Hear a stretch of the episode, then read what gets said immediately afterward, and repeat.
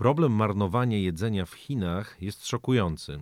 Od tych słów rozpoczęła się kampania czystego talerza, słów wypowiedzianych przez samego Xi Jinpinga. No, czyli prosta sprawa, czyli obstawiam, że już nie ma czegoś takiego jak problemu marnowania jedzenia w Chinach. Po prostu marnowanych jest zero ton rocznie. Zgadza się? 18 miliardów kilogramów żywności corocznie marnują chińskie restauracje.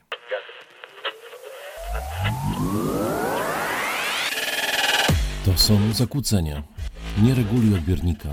Możliwe, że zakłócenia to najlepsze, co możecie spotkać. Czasem to jedyna droga rozwoju. Michalina Szczepańska i Bartosz Ziółek rozmawiają o szansach, jakie przynoszą anomalie. Skoro główny wódz powiedział, że jest to problem, no to chyba że zostało wszystko absolutnie zrobione, żeby tej żywności nie marnować i w ogóle nie ma takiej opcji, żeby Chińczyk żywność wyrzucił.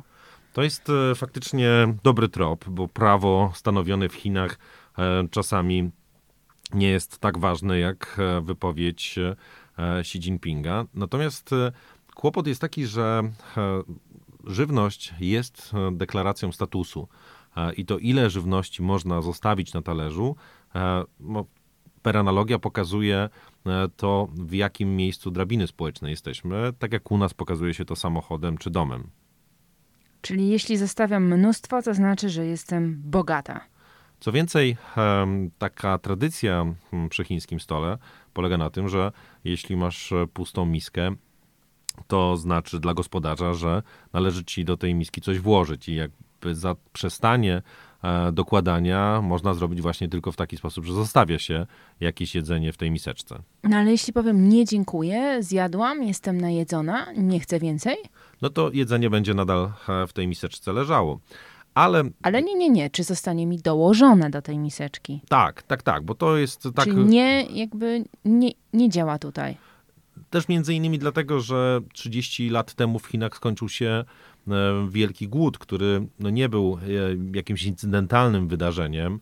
Nawet jeśli podczas wielkiego skoku 30 do 45 milionów ludzi umarło z głodu, no to nadal to wydarzenie i zjawisko e, takiego okresowego głodu w Chinach, e, jak i na całym świecie się pojawiały, więc e, można powiedzieć, że od 30 lat ten kłopot od 30 lat jest skutecznie rozwiązany, po prostu nie ma e, ludzi głodujących. No, czyli można powiedzieć, że to jest e, cecha, która gdzieś tam wykształciła się z powodów historycznych, no ale to w takim razie jednak cofam moją tezę z początku naszej rozmowy. Jeśli tak jest, to będzie trudno to zmienić. Tak, i będzie do tego e, też zaczyna być e, wykorzystywane prawo. E, I to, co jest, wydaje mi się, też niezwykle ciekawe, to kary, którymi może obciążać restaurator klienta, który nie zjadł wszystkiego, co zamówił. A jakie są to kary? No, kary nie są duże, e, to jest 5 tysięcy iwanów, czyli jakieś 3000 złotych. No, chociaż z perspektywy... Ale zaraz, 3000 zł za niedojedzony lunch? Tak, to jest e, oczywiście e, no, taka e, sytuacja, w której to niedojedzenie albo takie celowe wykorzystywanie bufetów, w- których płacisz jedną kwotę i możesz jeść ile chcesz, to jest dosyć popularny format w Chinach. To takie e, chroniczne powtarzanie tego e, właśnie niedojadania e, może się skończyć takim mandatem, ale na te mandaty też są narażeni kelnerzy. Jak to kelnerzy? Jeśli kelner będzie uporczywie nakłaniał cię do zamówienia więcej niż chciałabyś zamówić, to kelner według tego nowego prawa może dostać 10 tysięcy iwanów kary, choć ta kara będzie przede wszystkim dla, dla samej restauracji. 10 tysięcy, czyli przypomnij, ile to będzie złotych? No to będzie e, około 6,5 tysiąca złotych e, w tym momencie, więc to też jest e, nie najwyższa kara jeszcze e, możliwa w tych nowych regulacjach, dlatego że 50 tysięcy e, może dostać karę, 50 tysięcy iwanów, czyli około 30 tysięcy złotych, e, może dostać karę restauracja, która w swoich procedurach i systemach em, zarządzania żywnością e, no, na tyle niedobrze sobie radzi, że te straty żywności są e, bardzo wysokie, albo że też niewiele się robi, żeby tych strat e, unikać.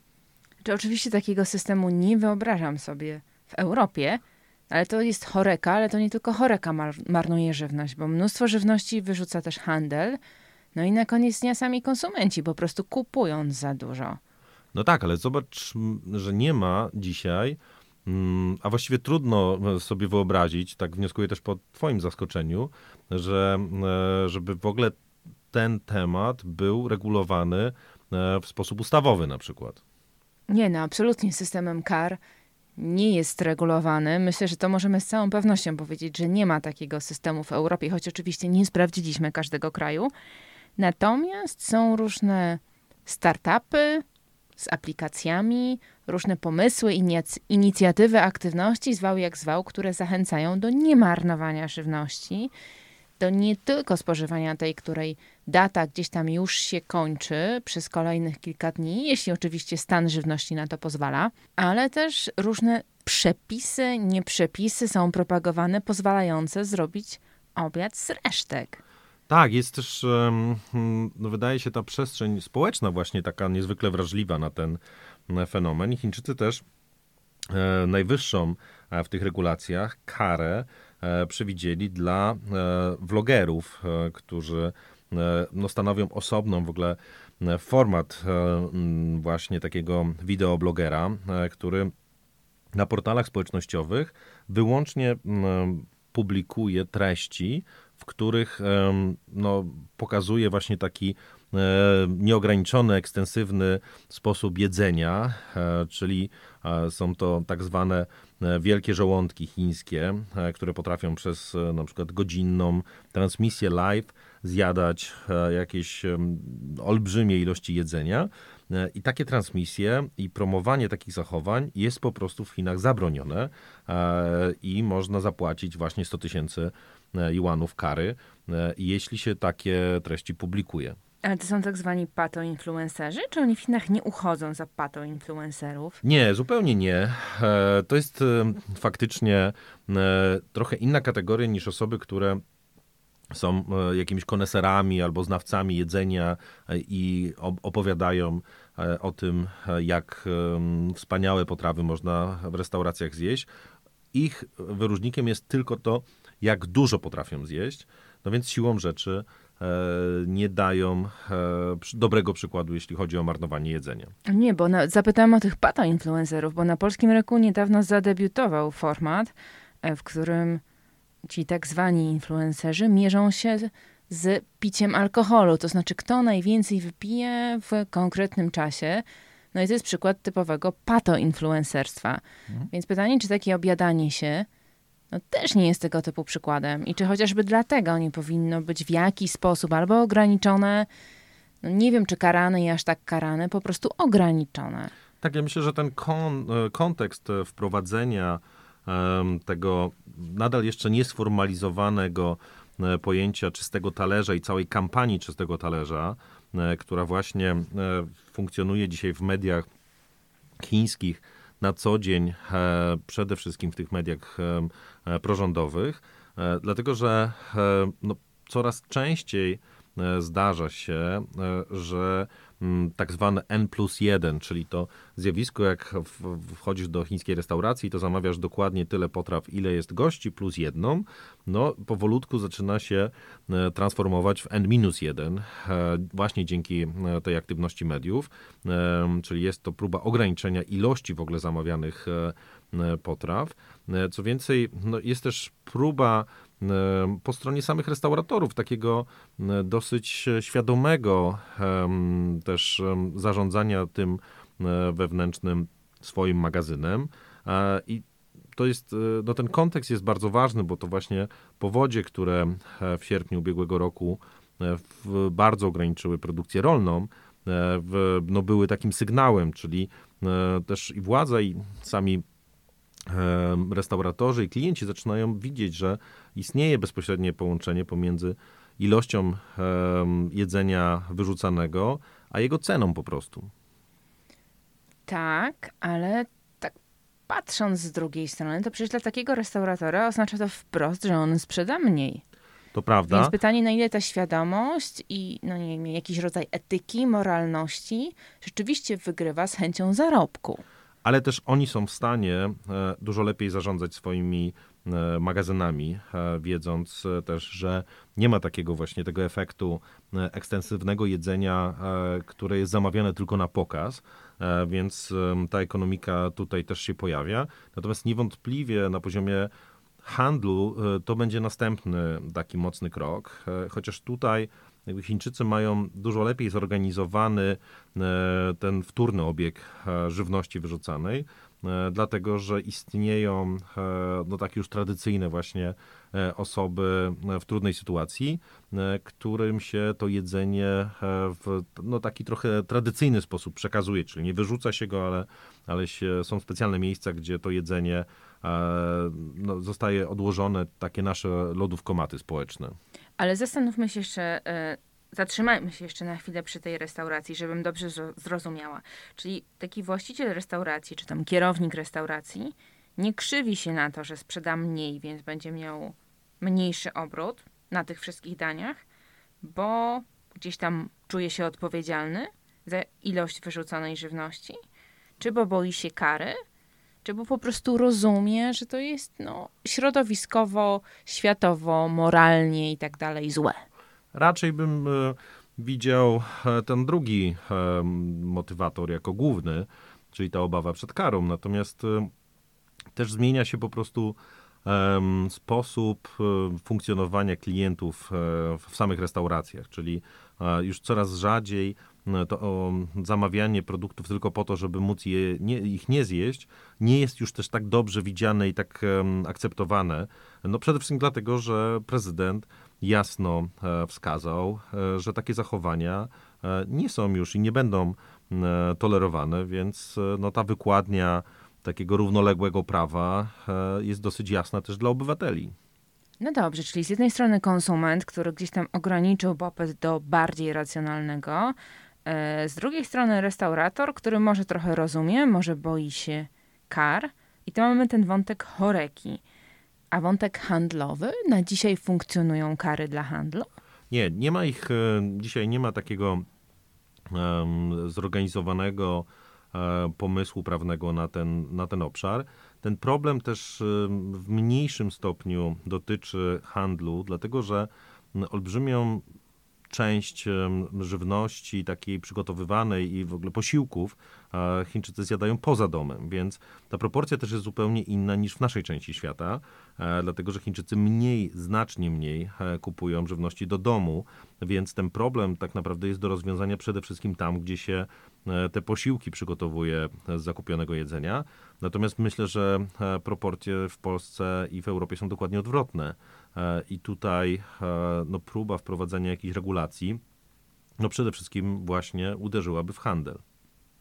Czy tak, przede wszystkim uderzyłaby w handel, no ale też handel wspólnie z różnymi firmami zaczyna robić coraz więcej i więcej.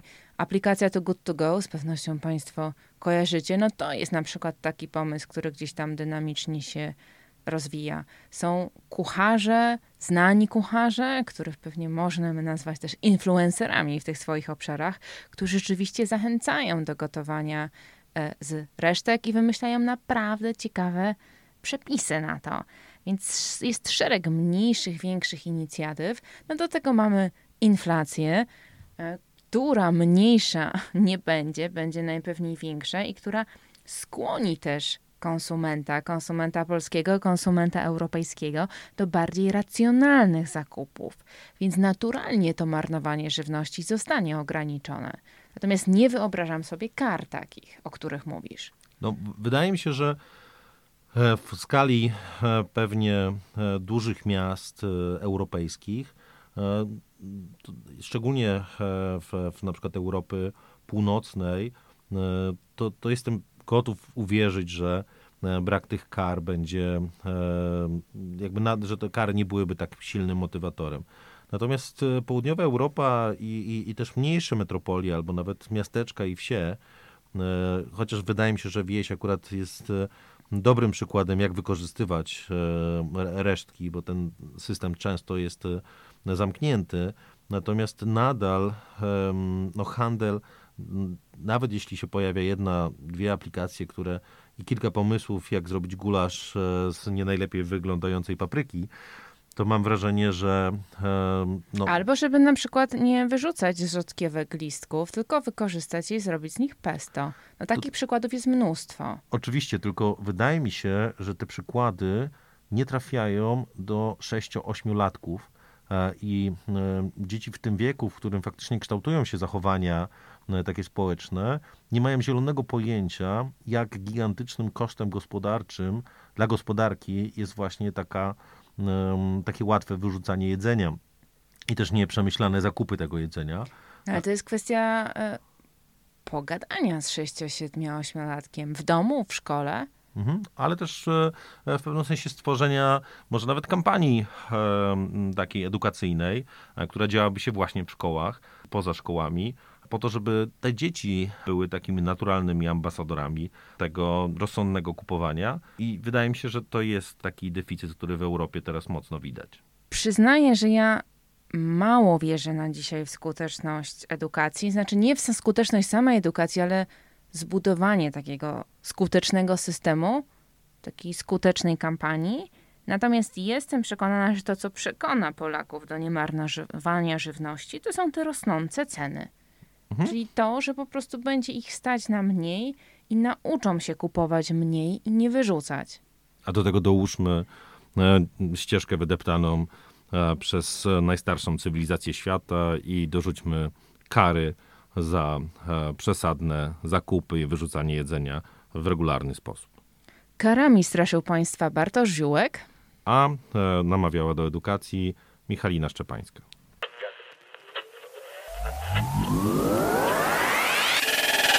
To są zakłócenia. Nie reguluj odbiornika. Możliwe, że zakłócenia to najlepsze, co możecie spotkać. Czasem to jedyna droga rozwoju. Michalina Szczepańska i Bartosz Ziółek rozmawiają o szansach, jakie przynoszą anomalie. Partnerami podcastu Zakłócenia są miesięcznik Handel i portal handelextra.pl.